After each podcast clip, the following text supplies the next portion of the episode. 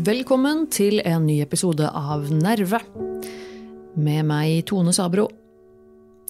Og nå måtte jeg bare begynne, trykke på record, fordi jeg blir sittende og tenke for lenge. Jeg blir sittende og lage podkasten i hodet mitt før jeg faktisk begynner å snakke høyt. Det er ikke helt bra, altså. Det blir sjelden eh, Det blir sjelden eh, noe spesielt eh, genialt opplegg av det. Um, jeg er tilbake igjen, altså. Allerede, kan du kanskje si. Um, og i dag har jeg vært på en liten tur, tro det eller ei. Jeg har vært ute av huset. Uh, og det det var uh, utrolig deilig. Dette høres jo kjemperart ut for dere som ikke kjenner meg, men det er jo sånn at jeg sitter jo som regel her inne i dette lille huset ute i Gok i Vennesla, og i det siste så har det vært veldig dårlig vær, og det syns jeg Eh, eller egentlig, det har vært dårlig vær siden vi flyttet hit i oktober-november, eh, føler jeg. Eh, det har vært omtrent dårlig vær konstant. Enten snø eller regn. Det har vært mørkt, det har vært kaldt og jævlig. Og det er ikke helt min greie, altså. Det der med vinter og kaldt og nedbør, det, det, er, ikke, det, er, det er ikke min greie. Og jeg er heller ikke et sånt menneske som, eh, som, som, ikke lar meg hindre av været. Det er sånn ja ja, det regner litt, vi skal ut på tur likevel, vi går. Dra på oss noe regntøy og Det er ikke meg. Jeg lar meg i aller høyeste grad påvirke av været. Og det, det samme gjelder hunden min. Eh, da, for det er jo sånn gjerne at når man har hund, så må man komme seg ut. Man tar en tur, gjerne selv om det er dårlig vær, osv. osv. Noe som jo kan være en fordel for eh, fysisk og psykisk helse, det å komme seg ut og ta en tur. Men hunden min hun er ganske lik eh, meg, så når det regner og er dårlig vær, så har ikke hun så veldig lyst til å gå ut heller. Eh, og da er det jo ikke så mye som, som stopper meg fra å bli inne, for å si det sånn. Um, hun må selvfølgelig ut for å, for å gjøre sitt fornødne, og det får hun lov til. Men noe stort mer enn det er det ikke det er eh, Hun er like kjapp til å snu og gå inn igjen som det jeg er, hvis det er regn og dårlig vær. Og da blir man gjerne sittende inne, eh, og det er jeg lei av.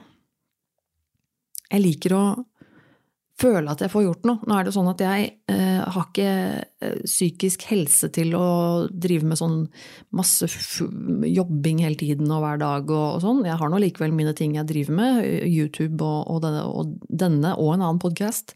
Um, ehm, og mine hobbygreier. Uh, og så er det jo eh, ting på gang med Nav. Vi får jo se hvordan dette blir etter hvert, om jeg får meg noe jobb her. Men, men det å sitte inne er jo uh, det er, ikke, det er jo ikke bra for deg. Det er jo ikke, er ikke godt i lengden, det å, å, ikke ha noe å bedrive tida med og bare sitte inne. Eh, så jeg I det siste så har jeg liksom Nå har det vært, altså har det vært flere dager, forholdsvis mange dager på rad, hvor jeg på en måte ikke har vært utenfor huset i det hele tatt. Ikke en tur i butikken engang, liksom. Eh, og det, da merker jeg at jeg blir litt sånn Ja, men nå jeg har egentlig lyst til å gjøre noe. Jeg har lyst til å gå ut. Jeg må, jeg må røre kroppen min litt i frisk luft. Og så de siste dagene har det bare vært regn og drittvær. Og da jeg eh, kjenner at jeg blir, så, jeg, blir så, jeg blir sint på været. Det er jo helt idiotisk, men jeg blir det.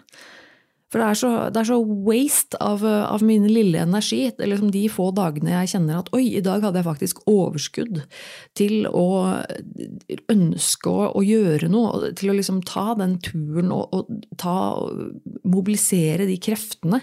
Til å liksom gå en tur og bevege meg ut. Oppleve noe annet enn dette lille hjemmet mitt. Så er det drittvær. Og da, da, setter det en total stans for alt som heter å gå ut, for min del.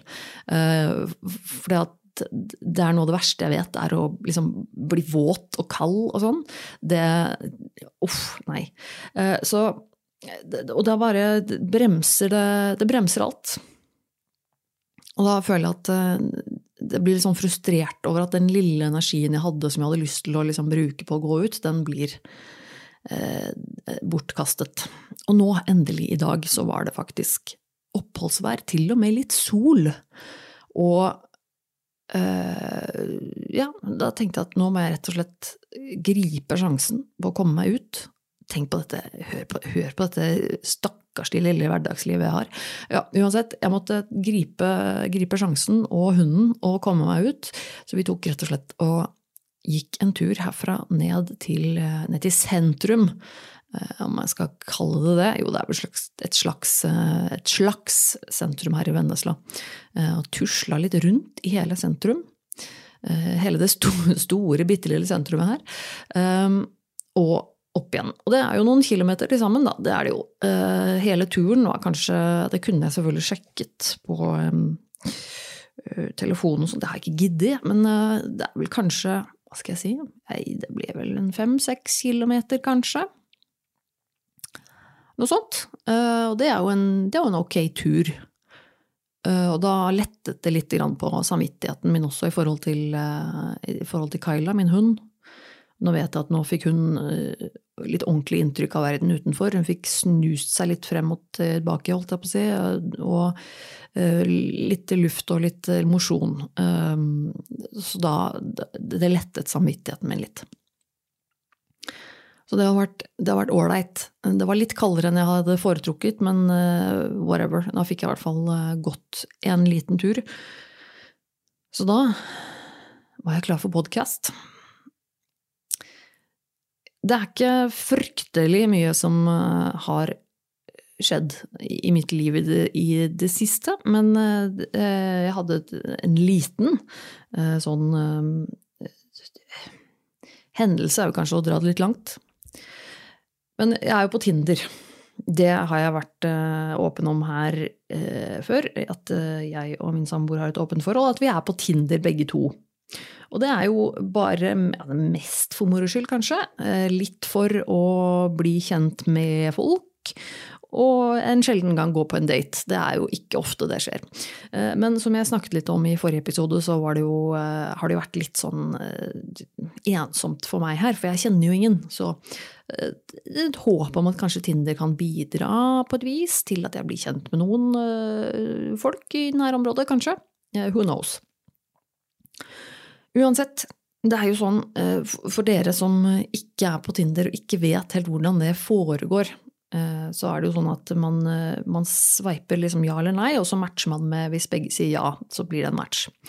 Det som også går an der, er at man kan superlike noen. Og det Jeg ser at noen har superliket meg ved at, blir, at bildet deres er litt sånn blått, liksom, da sånn blå stjerne, liksom, da, ikke sant. Det er så fancy at det um, jeg, har, jeg, betaler ikke for Tinder, bare sånn at dere vet det. Så, så, så for ellers så får man oversikt over alle som har lika deg. Det er ikke måte på, men jeg gidder ikke å betale for dette her. Så jeg ser jo at noen har lika meg ved at det blir litt sånn blått.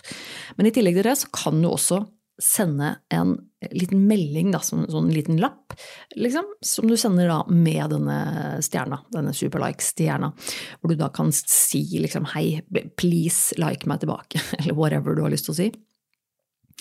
Eh, og det hender jo en gang iblant. Jeg får en superlike. Det hender også en gang iblant at det er en melding med den superliken. Det pleier som regel å være noe sånt som Uh, hei, uh, liker tatoveringen din, eller hei, du ser kul ut. Altså et eller annet sånn basic, bare en sånn hei-melding. hyggelig, det, liksom. Det, det, pleier ikke å ha noe spesiell innflytelse på om jeg sveiper den ene eller andre veien tilbake, men det er nå så. Men i dag, eller ikke i dag, men et par dager siden, så fikk jeg en superlike på Tinder. Plutselig dukker det opp en eh, mann i monitor her som eh, har superlika meg, og han har også skrevet en melding med superliken min. Uh, og da, før jeg får Altså, før jeg liker eller ikke liker tilbake, så kan jeg lese den meldingen han har skrevet. Og da dukker det opp en liten melding her.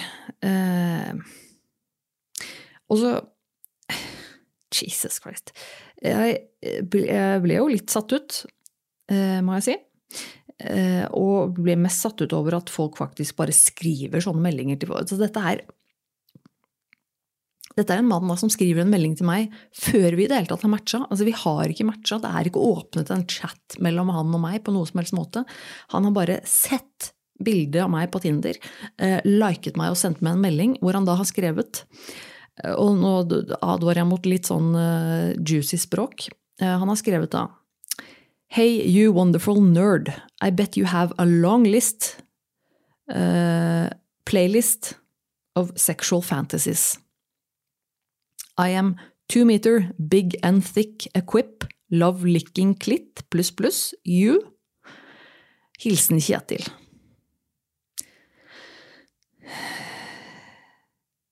Og jeg, jeg um, Først så ble jeg bare litt sånn åh, herregud, uh, go away. Uh, og så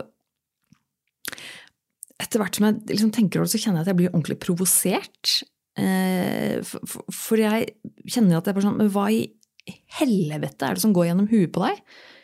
Når du skriver når du, når du, antar at jeg har en lang liste med seksuelle fantasier som du liksom skal hjelpe meg med, fordi at du er så velutstyrt og du elsker å gjøre sånn og sånn med kvinnekroppen, og det er ikke måte på Hva i all verden er det du tror at jeg skal reagere med da? Entusiasme? og si at oi, ja, men så, så fint! Det er akkurat dette jeg ser etter. Tror du at, Ser du på bildene mine og så tenker du at jeg er en ganske billig prostituert? Uh, kanskje? Ser du på uh, meg og så tenker du at ja, hun har nok en, en, lang liste av seksuelle fantasier som jeg kan hjelpe deg med? Altså, hva en ting er å tenke disse tingene, men en helt annen ting er å faktisk skrive det ned og sende det til et fremmed menneske. Det er for meg eh, veldig fascinerende og jævla motbydelig eh, at jeg blir, jeg blir, satt ut. Og eh, selvfølgelig så fikk ikke han noe like tilbake fra meg, men ikke bare det, jeg rapporterte denne jævelen også. Fordi jeg syns jeg faktisk ikke er greit. Eh, dette blir eh, veldig inappropriate, for å si det sånn. Eh, mildt sagt. Så jeg rapporterte denne Kjetil for upassende seksuelle meldinger. Og håper at han får en beskjed fra Tinder om at du er blitt rapportert for useksuelle For seksuelle upassende meldinger. Nei, det, så det var, det var, fascinerende. For å si det sånn, Kjetil, eh, den der skal du bare gå og eh, legge deg i, på landet med, holdt jeg på å si. Um, no go, no match, nei takk. Så det var fascinerende. Uh, det fins mye rart på YouTube, nei, på YouTube, sier jeg, på, på Tinder, altså. Det er ikke akkurat noe gullgruve, vil jeg påstå. Men her og der så finner, jo, finner man jo ålreite mennesker der òg, skal sies. Men annet enn det Jeg har vært i Oslo, faktisk. Jeg bor jo ikke i Oslo lenger, men jeg har vært der en liten tur. begynt å tatovere ryggen min. For dere som har sett bilde av meg, så kan dere vel anta, korrekt som så, at jeg er litt over gjennomsnittet interessert i tatoveringer. Det er lenge siden sist nå. Eh, nå har jeg altså begynt å tatovere ryggen min, noe som jeg liker veldig godt. Det er eh, med stor glede jeg endelig har fått noe, noe blekk på ryggen. Det, det, var deilig. Så jeg dro inn til Oslo. Eller det var ikke deilig, det var det ikke, men det var fint eh, å få det, få det begynt på. Hos en veldig, veldig flink tatovør som heter Trine Grim, som holder til i Oslo. Eh, hun er veldig flink, eh, både tatovør og kunstner generelt. Lager veldig fin kunst. Eh, sjekk ut Trine Grim på, på Instagram og lignende, for hun, hun, lager utrolig kule greier. Så jeg har vært der, begynt på det. Det var jævla vondt, og jeg var så sliten som jeg aldri har vært etterpå. Det, det, var helt Jeg pleier å bli sliten etter å ha sittet noen timer i, i en tatoveringsstol. Men jeg følte meg nesten syk etterpå.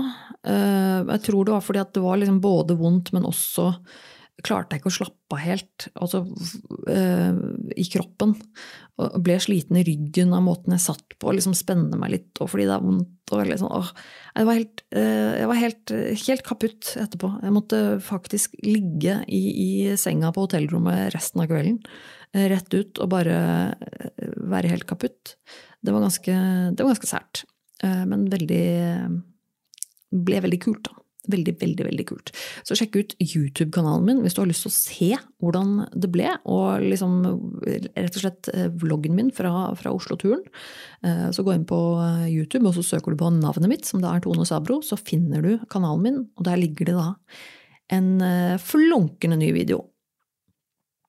Så setter stor pris på dere som gidder å sjekke ut det. Det hjelper jo, hjelper jo meg på, på, på, den måten at du bare ser på videoene mine og abonnerer på kanalen min, så er det faktisk noe som hjelper, tro det eller ei. Um, siden sist jeg lagde podkast, så har jo uh, lockdown, altså lockdown det, det Holdt jeg på å si pandemien er over, det er den jo ikke, men alle restriksjoner er opphevet. Det er jo ganske drøyt.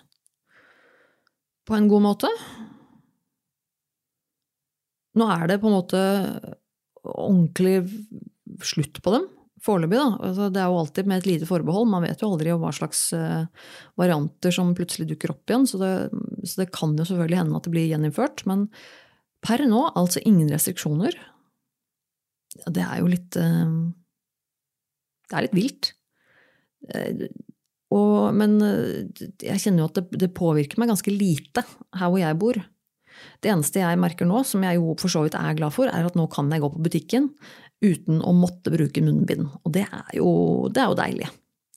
Um, det, det, må jeg jo innrømme. At det er, det er veldig deilig. Dette forbanna munnbindet er jeg ganske drittlei av å bruke nå. Som sikkert de fleste der ute. Så får vi se hvordan det går. Jeg har uh, nå klart meg i to år uten å få korona.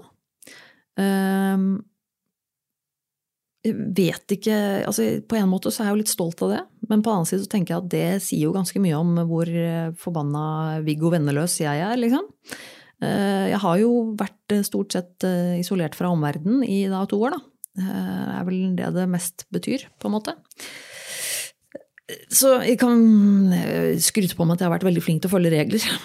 Og samtidig så kan jeg skryte på meg at jeg heller ikke har hatt et liv de to årene som har gått Shit, tenk at det har gått to år med pandemi nå. Det er ganske drøyt. Men uh, hvis, i forbindelse med det så, så, hørte jeg jo Jeg husker jo ikke uh, akkurat hvor det var snakka, sikkert på, uh, på, på, på, radioen, altså på Dagsnytt 18 eller Dagsrevyen eller hva det nå enn er. Så snakket man om selvmordsrate og psykisk helse under pandemi. Og det er veldig relevant. Det er også ganske interessant. Det er jo mange, spesielt unge, som melder at de har fått det verre i uh, sin psykiske helse under pandemien. Det kan man jo veldig lett forstå. Uh, men likevel så er det noe som, så vidt jeg har skjønt, tydeligvis uh, foreløpig noe som tyder på at selvmordstallene ikke har gått opp under pandemien. Um, som jeg syns i utgangspunktet virket litt rart. Uh, men så vidt jeg har forstått, så er det tall i hvert fall fra 2020 tilsier at selvmordsraten ikke har gått noe opp. Og at tvert imot at selvmordsraten har gått ned i 2021. Kunne det stemme? Det er mulig jeg sier feil nå. Jeg syns det høres kjemperart ut. Men samtidig så hørte jeg at det var snakk om at selvmordsforsøksraten hadde gått opp. Og det, eh, er jo i så fall interessant. Eh, det er jo uansett eh, for så vidt en god ting at selvmordsraten har gått ned. Om det stemmer, sånn totalt sett når alle tallene er talt opp osv., så, videre, så er jo det en god ting. men om selvmordsforsøkene har gått opp, da? At det er flere som har forsøkt å ta livet av seg? Det, altså, ja. Kanskje vi faktisk har klart å redde flere, da? Um, at det er faktisk mange av de som kanskje hadde tidligere hatt klart å ta livet av seg, er nå bare uh, kommet unna med et forsøk, uh, og ikke noe mer, holdt jeg på å si. Det er jo en god ting uh, i utgangspunktet. Og samtidig syns jeg det var veldig interessant um, ja, det skal ikke jeg gå inn på en sånn lang rant om det, men eh, nå var det vel denne uka her min kjære samboer hadde Gunnar Kjomli hadde en, um, en livestream hvor det var snakk om disse tallene her, og det med selvmord, og om det er en eh, Er det en god ting at vi, at vi hindrer selvmord? og Um, burde folk få lov å bare ta livet av seg? Veldig satt på spissen. Nei, det var en diskusjon vi hadde om, eh, om eh, aktiv dødshjelp også i den siste podkast-episoden vår av Virkelig grusomt. Podkasten som jeg og Gunnar har sammen. Eh, vi snakket litt om, om aktiv dødshjelp og, og litt det der, de, de spørsmålene rundt det å uh, ta livet av seg, hvilke hensyn skal man ta, og uh, hvor lett skal det være for noen å ta livet av seg, og hvor lett skal det være å hindre folk i å ta livet av seg, Og så videre. Det er en ganske interessant diskusjon. Uh, og jeg som jeg fikk ikke være med i den diskusjonen, fordi det var samboeren min sin livestream. Jeg ble ganske engasjert der jeg satt. Men det er, det er uh, mye uh, nyanser i, i, den diskusjonen som jeg syns er veldig interessante. Eh, litt med det med hvor mye skal enhver person ha rett til å bestemme over sin egen skjebne, eh, osv. Eh, jeg tror nesten det er noe jeg må ta tak i på et eller annet tidspunkt. Eh, nei, uansett, det var ikke det jeg skulle snakke om. Jeg skulle egentlig bare eh, komme med, med en liten interessant eh, observasjon som har gjort meg i forbindelse med dette med lockdown, psykisk helse og og unge spesielt. Ehm, for det har jo eh, vært mye snakk om skoleelever som da har gått glipp av mye ved at det har vært lockdown. Som ikke har kunnet gå på skole, og som har måttet uh, ha hjemmeundervisning. Og ikke kunne ha vært uh, sosial og sånne ting da, i samme grad som det de hadde vært ellers. Og, og, rett og slett på en måte da kanskje gått glipp av ganske mye. Um, omgang med andre osv., og, så videre, og sikkert skolegang også. Um, og hvor fælt det har vært for disse ungdommene. Og det, nei, det er stygt av å le, jeg ler ikke av det. Altså, jeg, noe, jeg, tviler ikke på at det har vært fælt på veldig mange. Um, og jeg, jeg, tror nok det er mange unge som har uh, lidd under det å ikke kunne gå på skole som vanlig. Men jeg, for meg så, så ble jeg nesten litt sånn absurd, fordi Eh, jeg skulle gjerne hatt en lockdown ja, når jeg gikk på skolen. Eh, jeg tenker jo at det nok også fins en annen side av den mynten, da, hvor, hvor, det er sånne elever som jeg da eventuelt hadde vært, som hadde vært kjempeglad for å slippe å gå på skolen. Ikke av eh, det at man syns at skole er så kjedelig og sånne ting, liksom, men rett og slett det at man mistrives så sterkt på skolen at man nesten er redd for å gå på skolen hver dag pga. grunn av eh, mobbing osv. Det er jo også et stort problem. Eh, og da hvor deilig det hadde vært, da, eller sikkert var for disse elevene eh, som da slapp å gå på skolen, som da kunne faktisk være hjemme og lære det de skulle eh, via nettet, og faktisk ikke trenge å å eh, møte opp på skolen. Og jeg tenker jo at uh, shit, jeg skulle gjerne hatt en lockdown da jeg gikk på skolen. Uh, det hadde vært så deilig om jeg, om jeg, ikke trengte å møte opp på skolen personlig. Ikke trengte å, å, å møte de folka som jeg syntes var ubehagelig å møte hver dag. Og Nei, det hadde, vært, vært superdeilig for min del. Jeg syns det var dritvanskelig å gå på skole. Og ikke fordi at jeg er dum, for det er jeg ikke, jeg er ganske smart. Men, øh, men jeg syns det var vanskelig å lære ved å gå på skole. Jeg liker egentlig å lære nye ting. Jeg syns det er veldig spennende å, å ha jeg liker å ha kunnskap om ting. Men det å gå på skole syns jeg var helt bedritent. Jeg syns det var vanskelig å gå på skole fordi jeg ble mobba. Og det er selvfølgelig eh, åpenbart at det er ikke, det er ikke kult å, å, måtte takle. Men det var så mye eh, med, med å gå på skole som jeg syntes var vanskelig. Jeg syntes det var vanskelig å forholde meg til eh, andre folk, sånn generelt. Hvordan dette sosiale spillet fungerte. Jeg passet aldri inn i de der gruppene som var der. Jeg fant liksom aldri min plass. Eh, jeg syns det var vanskelig å, å, å liksom bli klok på folk. Rett og slett. Bli klok på liksom det mellom linjene-språket, det der sosiale spillet, alt det der. Jeg syns det var forferdelig slitsomt, forferdelig vanskelig. Og jeg klarte det tydeligvis ikke. Jeg passet ikke inn. Jeg følte meg konstant utenfor. Og var en av de som eh, gjerne måtte byttet venner og, og, og, sånn ganske ofte fordi at jeg fant meg liksom ikke noe til rette. Og også det med måten man lærer på, sånn rent konkret og praktisk på skolen. Det med å sitte i et klasserom og følge med på hva læreren sier, og lese bøker, skrive og sånn. Det, eh, det, var også en metode som rett og slett funka veldig dårlig for min del. Jeg er ikke noe flink til å lese. Jeg er ikke noe glad i å lese. Jeg er ikke noe flink til å lese. Og det, de tingene henger jo helt sikkert sammen. Men jeg er ikke det. Og det har jeg aldri vært. Og jeg er ikke noe spesielt flink til å konsentrere meg om å lære ting når jeg sitter og hører på en lærer stå foran der og fortelle om det, eller skrive noe greier på en tavle. Det er altså helt um, det, er en, det er ikke en ideell måte for meg å lære på, og heller ikke det med å da pugge ting eller skrive ting. Jeg lærer ting veldig veldig enkelt og, og, greit når jeg kan få gjøre ting i praksis, eller gjøre det på en måte som fungerer for meg. Men det er jo ikke så mye rom for det i skolen. Og det er, det er på en måte én læringsmetode, denne her skal passe alle. Eh, og, det er jo som regel ikke sånn at den passer alle, fordi alle er jo litt forskjellige. Og jeg var nok en av de som led litt under det, at um, både liksom læringsmetodene var ikke helt noe som passa meg, men og i tillegg til at jeg da måtte sitte og eh, prøve å lære i et miljø som var ubehagelig. Og det er utrolig vanskelig. Nesten umulig.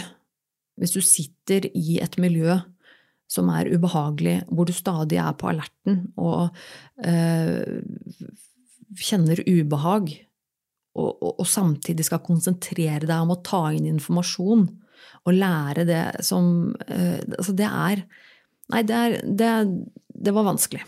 Så uh, jeg har selvfølgelig uh, masse hull fra, fra, fra skolegangen. fikk ikke noe spesielt gode karakterer.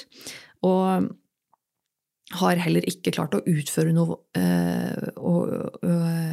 Å gå noe videre utdanning etter videregående eh, av alt dette her. Fordi det, det, ble ikke noe lettere for meg med åra heller. Og jeg har prøvd å gå videreutdanning, jeg prøvde å, å begynne på bachelor på, på høyskole. Men, men, de samme problemene gjentok seg igjen. At det, det, det, fungerer rett og slett skikkelig dårlig for meg.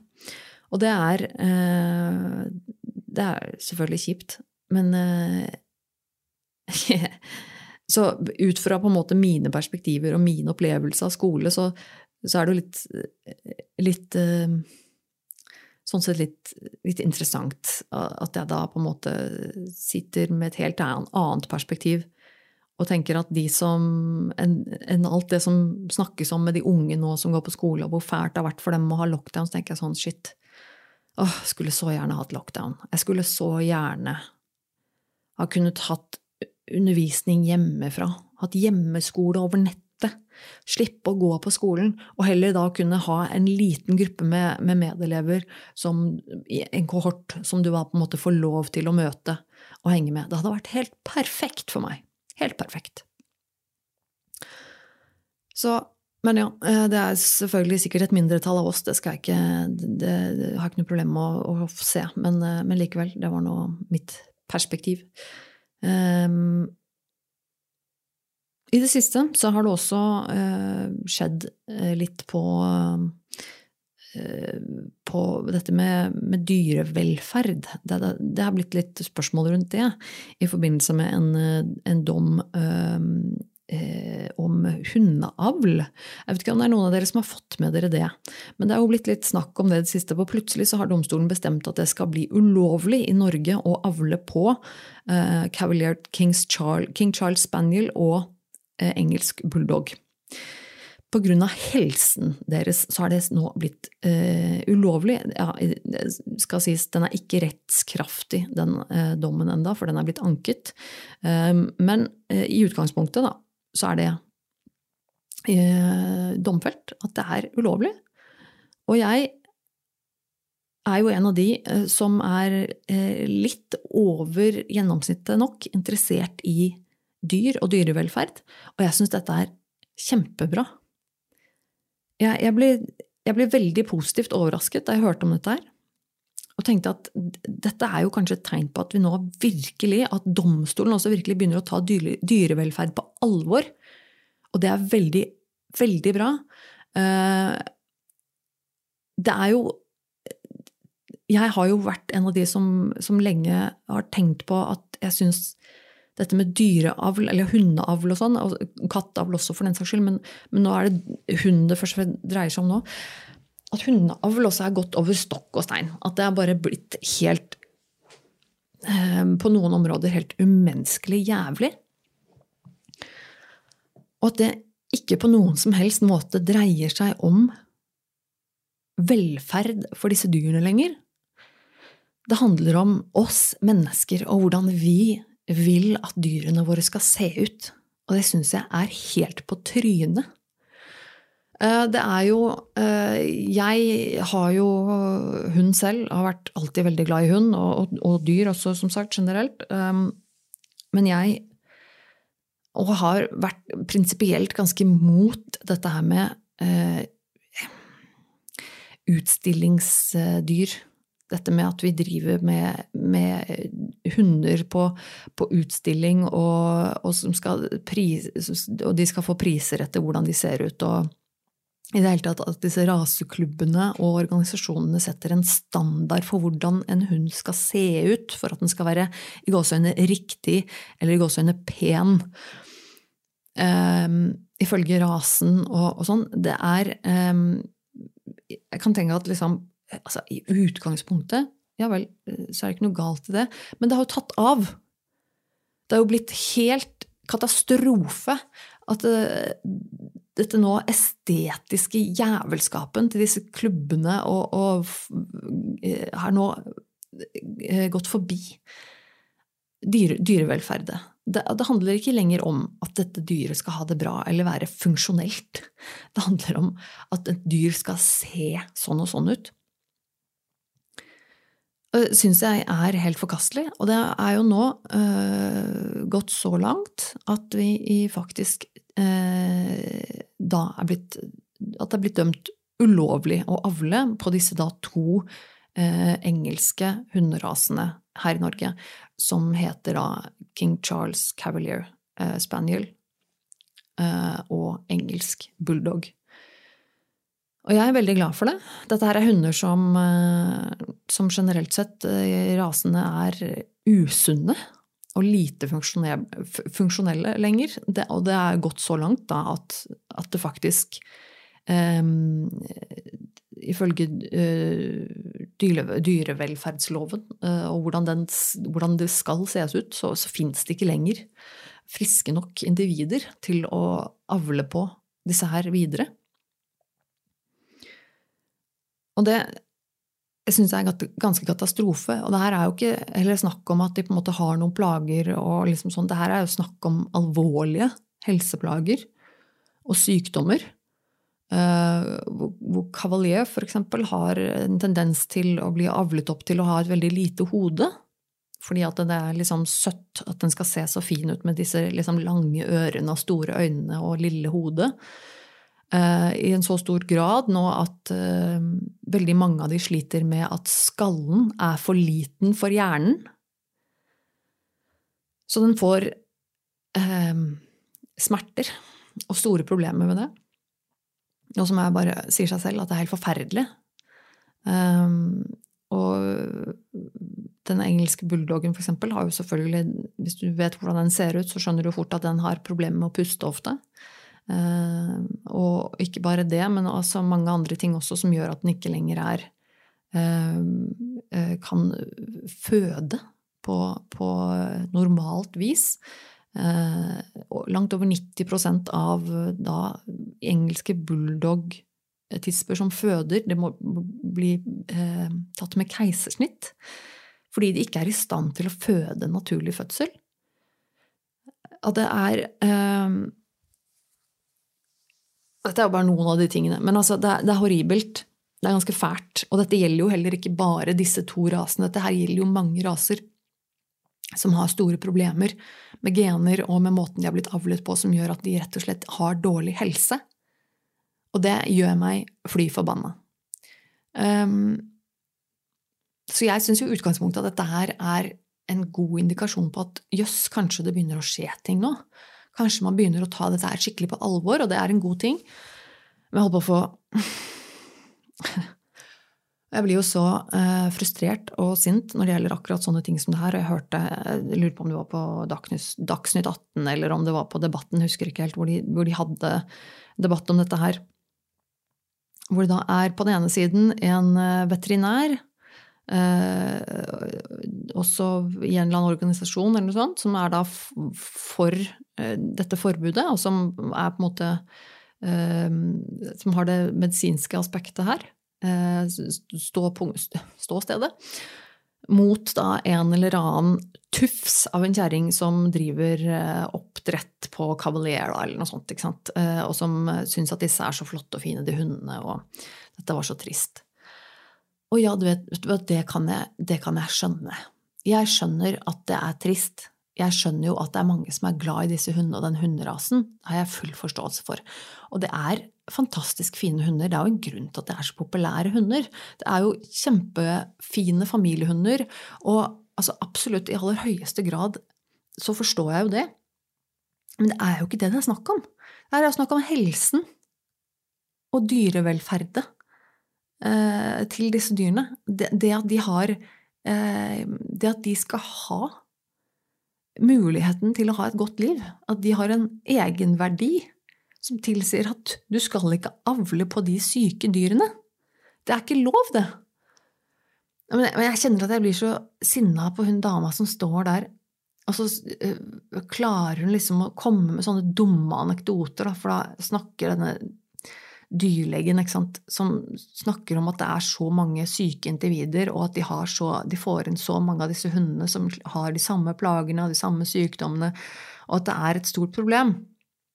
Og så klarer hun der dumme tøyta av en kjerring å stå der og si at det, hun har en sånn hund selv, og den er helt frisk. Og hun også kjenner så mange andre i dette miljøet som har helt friske hunder.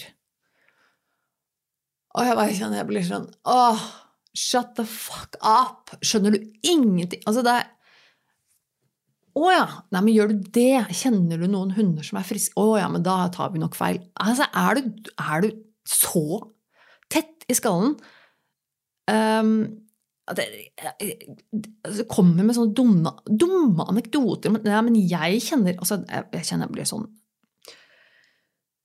øh, jeg, blir, jeg, blir, jeg, blir, ganske sint. Uh, og så um, og så kommer det liksom argumenter som at ja, dette, ja, men dette er så trist og ditt og datt sånn. Ja, ok, men ja, det skjønner jeg, men, hva, men det fins mange hunderaser som er friskere. Hva med å på en måte da um, kryssavle, eller, eller, kanskje skaffe deg en annen type hund? Nei, det er ikke, ikke aktuelt for meg. Ikke aktuelt for meg. Hvis dette blir ulovlig, så er det ikke aktuelt for meg å ha en annen type hund.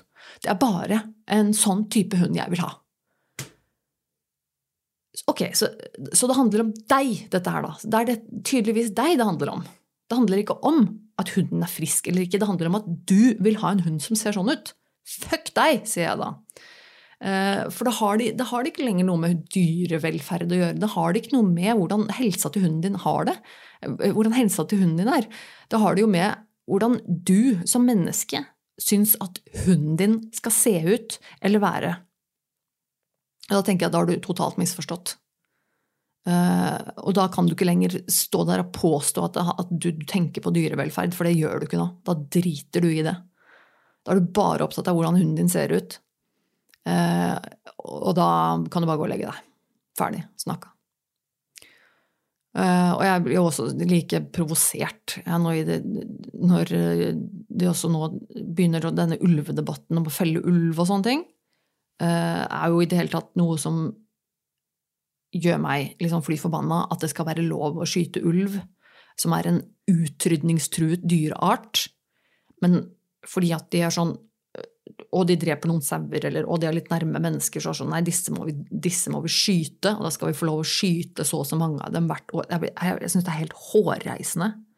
Jeg syns det er helt hårreisende. Og i det hele tatt at vi nå da skal øh, Denne saken nå som kom opp nå med at det var snakk om å skyte noe At, det var kommet for mange, at nå er det for mange ulv i forhold til det som var, eh, i forhold til det som var liksom, eh, forskriften, eller holdt jeg på å si eh, Hva det er snakk om. At det er liksom Nei, nå var det for mange, da må vi kunne skyte noen flere. Men at disse da skulle få skytes innenfor ulve... Nå står det helt stille. Hallo. Ulvegrensen eh, Hva heter det? Ulveområdet? Ulve...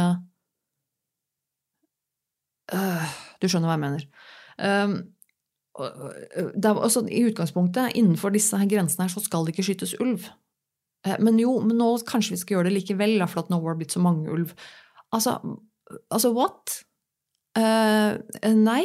Hva er det Hvorfor dette er en utrydningstruet dyreart, og så kommer vi som en sånn forbanna, eh, arrogant, jævla rase og bare Nei, vi er mennesker. Vi har mer rett til å være her enn en det disse hundene Nei, ulvene har. Uh, og, og Nei, men de, de dreper uh, De dreper sauer og mennesker, og, og de er så farlige, og, og um, Eh, men vent nå, hva, hvor lenge er det siden det ble drept et menneske av ulv, sa du? Når var sist det ble eh, et, et menneske ble drept av ulv? Ah, nei, det, okay, nei, det var ikke så relevant, nei. For det er visst jævlig mange år siden. Uh, ok, men de dreper sau.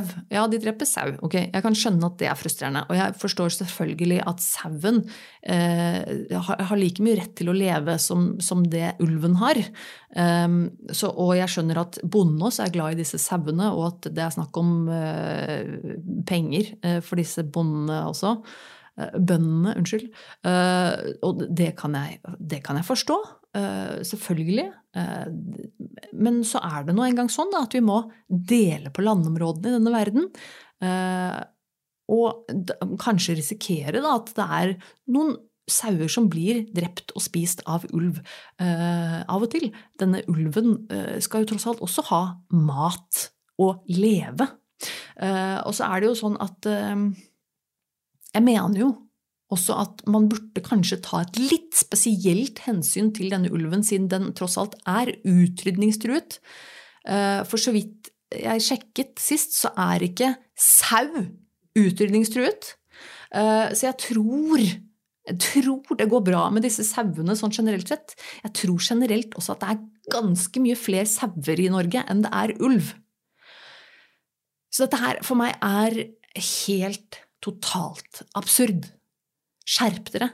Det er altså Jeg blir, eh, jeg blir sint. Jeg blir ordentlig sint. La den stakkars ulven få være i fred.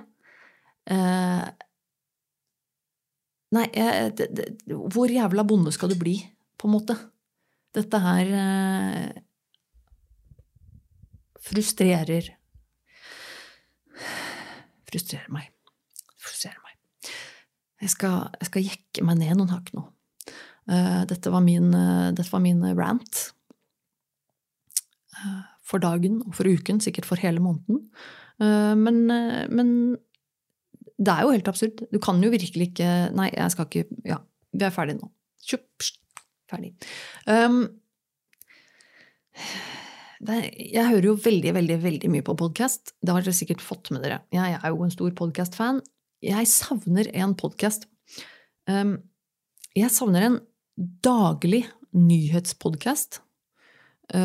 litt a-lav altså, For jeg hører på Oppdatert og Forklart og disse litt sånn daglige til fra ja, VG og Aftenposten og NRK og sånn. Og det syns de er helt, helt supre.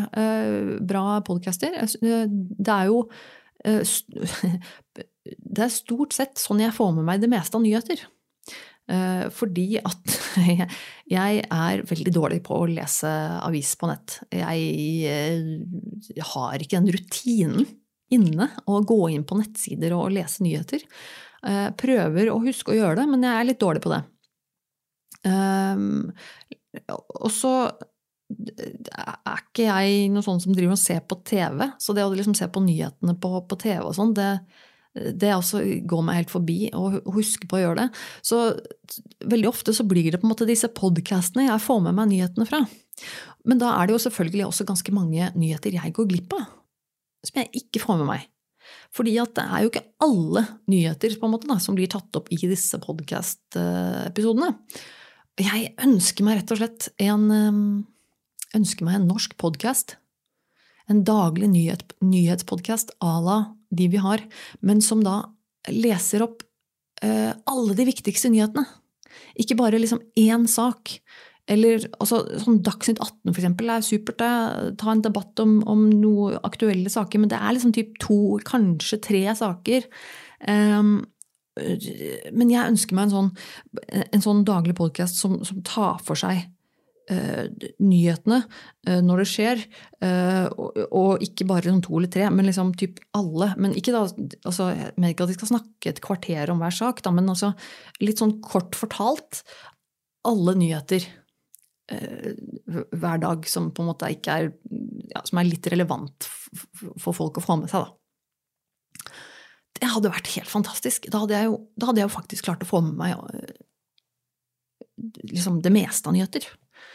For det gjør jeg jo egentlig ikke nå, det er jeg veldig dårlig på. Men en, sånn podkast ønsker jeg meg.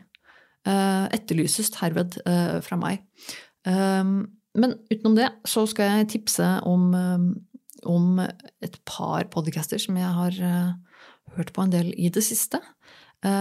apropos dette med dyrevelferd og denne hundeavleloven osv. Jeg hører på en podkast som heter Jusspodden som er en eh, ja, norsk eh, podkast som handler om eh, ja, juss.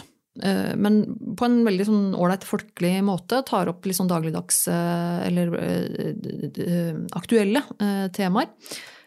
Hvor da sist per nå, per innspillingsdato i dag, torsdag, så er dyrs rettigheter, hundeavl og ulvefelling er en siste episoden av Juspodden hvor de tok for seg akkurat dette her. Det var veldig interessant. og så har de rett og slett mye interessant hvor de snakker om litt sånn juss rundt diverse temaer som, som er litt aktuelle. Det, ja, jeg kan anbefale den. Jusspodden, sjekk ut den. Eller så har jeg hørt mye på Eh, dere har sikkert hørt om denne podkasten. Både min samboer Gunnar Tjomli og, Dag Sørås og flere av oss uh, har, sikkert har uh, rantet mye om denne, denne podkasten som heter Decoding the Gurus. Og den er veldig bra, altså. Jeg vil absolutt anbefale folk å høre på Decoding the Gurus den tar for seg eh, mye av det som skjer i vår eh, kultur, og disse gjerne gurusfolka som, eh, som, folk hører på på nettet og alt mulig, og debunker gjerne. Eh, eller decoding, da. Det de egentlig sier, og det det egentlig handler om, og hvorfor de tar feil, og hvorfor de har rett. Og det som er fint med de to gutta der, er at de er veldig flinke og smarte, men de er også flinke til å være litt nøytrale. Eh, flinke til å Ikke nødvendigvis, nødvendigvis nøytrale, men, men, de er gode på å, eh, snakke om det fra et, et forskningsperspektiv, og går litt i kjernen på hva, kildene her egentlig er, og, litt sånne ting, da. Som kan være høyst relevant å få med seg eh, nå for tiden, hvor eh, verden fylles opp av fake news. Um, det eneste jeg syns er litt eh, kjipt med liksom, Decoding the Gurus, er at de blir ofte litt sånn Jeg merker at jeg fort eh, kan dette ut litt fordi at det blir, det blir fort veldig sånn internt, på en måte. At hvis ikke du har fulgt med på absolutt alle tingene, så er, ikke akkurat, er det ikke alltid du skjønner hva de prater om.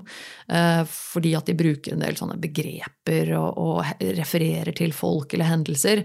Som at hvis ikke du vet akkurat hva om, hva de snakker om så skjønner du ikke en dritt. Og da blir det veldig Ehm, da kan det fort bli ganske uinteressant. Og da, da detter jeg fort ut, og da kjenner jeg at det blir sånn Å, men herregud, kan dere ikke i hvert fall kan i hvert fall liksom forklare hva det er dere egentlig snakker om nå? Hvilken hendelse var det? Eller hvem, hvilken person var det? Eller hva, hva, mener dere med det og det begrepet der? Det kommer sånne litt sånn innfløkte begreper iblant.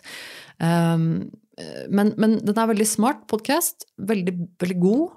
Uh, så jeg vil absolutt anbefale å, å, høre på den for dere som er litt, uh, litt interessert i å uh, følge med liksom, kulturkrigere og litt sånne ting rundt om nå.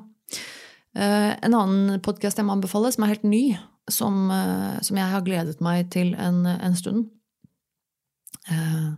den heter, den er også engelsk, den heter Things Fell Apart, som er den nye podkasten til John Ronson Veldig kjent og veldig, veldig flink journalist, eh, forfatter.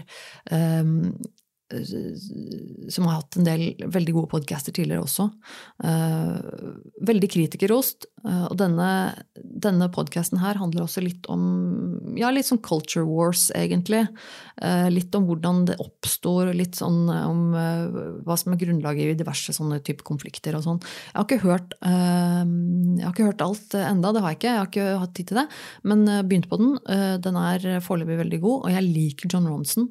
Han er han er, eh, han er, god til å fortelle, han er god til å skrive og, og fortelle om ting. Og eh, mye interessant han snakker om der. Så Things Fell Apart vil jeg også anbefale. Og så eh, selvfølgelig eh, vet, Jeg vet ikke om jeg har gjort det før, og om jeg ikke har det, så må jeg i hvert fall selvfølgelig anbefale podkasten til min kjære samboer Gunnar Tjomli, som har en podkast som heter Tomprat. Eh, min kjære samboer er veldig smart. Det, det, sier jeg ikke bare fordi jeg er biased. Han er til og med nå blitt Mensa-medlem, så nå kan jeg vi kan dokumentere at han er smartere enn gjennomsnittet. men, men det er i hvert fall en podkast som er veldig bra. Man snakker om eh, løst og fast, men også om ganske sånn viktige temaer iblant. Eh, eller faktisk ganske ofte. Um, så sjekk ut Tomprat. Den er jo selvfølgelig da norsk for de som ikke er så interessert i engelske podcaster. Eh, men også må jeg selvfølgelig promotere min egen eh, slash vår egen podkast. Eh, som nevnt så har jeg jo en podkast sammen med Gunnar som heter Virkelig grusomt. Um, og vi kvir oss litt for å kalle det en true crime-podkast. Det er jo det er en fordel med å kalle det true crime-podkast eh, at true crime er så blitt så populært. Men på den annen side så vil jeg jo egentlig si at dette her er, bedre enn en true crime-podkast. Fordi at um, vi snakker om eh, krimsaker, ja, men også om hendelser. Diverse ulykker, sånne ting. Eh, og så synser vi litt om det. Prater litt om tanker rundt det. Kanskje litt sånn psykologi inni det bildet der. Eh, og sånne ting. Og eh, den er utrolig interessant å lage jeg, jeg, var, jeg, lagde den rett og slett, eller vi. Uh, det var min idé, men jeg lagde den podkasten rett og slett fordi jeg, det var en sånn type podkast jeg savnet. Um, veldig mye av true crime-podkast uh, er manusbaserte podcaster som leser opp en hendelse, et eller annet som har skjedd, og ferdig med det.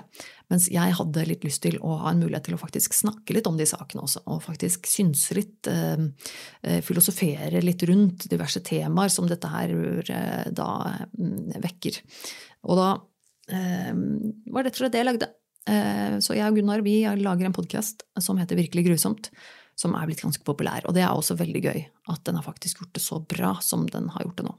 Vi får stadig nye lyttere, og den er eh, Vi tjener litt penger til og med på den, fordi vi, det hender vi har en sponsor der. Og det er veldig kult. Det er eh, noe jeg bare kan se langt etter i denne podkasten her, men eh, veldig gøy. Så veldig gjerne sjekke ut Virkelig grusomt. Og tips venner og familie og folk om, om den podkasten. For det jeg håper jo etter hvert at vi kanskje kan, kanskje vi kan få til noe liveshow med den podkasten. Det hadde vært gøy. Um, ja, i det hele tatt. Det, det hadde vært kjempegøy. Og så uh, igjen, uh, sjekk gjerne ut min pod... Nei, min, min YouTube-kanal. Uh, det er jo sånn at vi som driver med YouTube, du må, du må bli ganske så stor på YouTube før du kan begynne å tjene noe penger på det.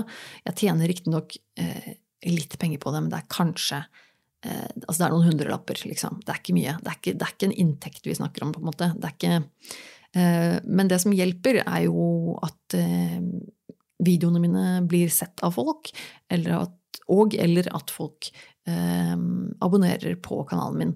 Det er sånne ting som gjør at kanalen vokser og får mer seere, og som gjør at jeg potensielt kan tjene litt mer penger på det etter hvert, og faktisk gjøre mer av det. Så derfor så maser jeg litt om det, at jeg veldig gjerne vil at folk skal gå inn på YouTube-kanalen min, Tone Sabro, eh, abonnere på den og, og, se videoene og gi en like på videoene, fordi det er faktisk en grunn til at youtubere maser om det. Det er faktisk det eneste, det eneste som, som hjelper på kanalen, det er akkurat de tingene der. Så tusen takk til alle som uh, hører på denne podkasten, til tross for uh, few and uh, far apart, holdt jeg på å si, episoder. Mellom, langt imellom hver gang og alt det der.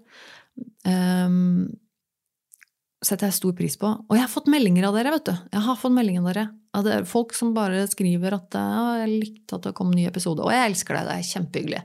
Elsker å få melding av dere. Fortsett med det. Nerve med Tone at gmail.com, eller så finner du meg i sosiale medier. Tone Sabro eller Nerve med Tone. Og da er jeg tilgjengelig som regel der også. Så hvis det skulle være noen tips, spørsmål, eh, kommentarer, et eller annet, så syns jeg det er kjempegøy å få dem eh, servert fra dere. Eh, ja, eh, rett og slett. Det var vel i grunnen alt. Og så må jeg eh, ikke prate på en liten stund, kjenner jeg. Eh, men takk for at du hørte på igjen. Eh, forhåpentligvis så høres vi igjen snart. Ha det bra.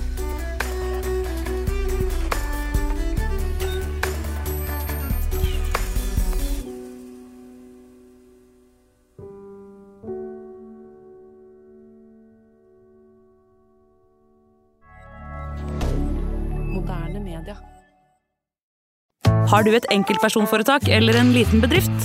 Da er du sikkert lei av å høre meg snakke om hvor enkelt det er med kvitteringer og bilag i fiken, så vi eh, gir oss her, vi. Fordi vi liker enkelt. Fiken superenkelt regnskap.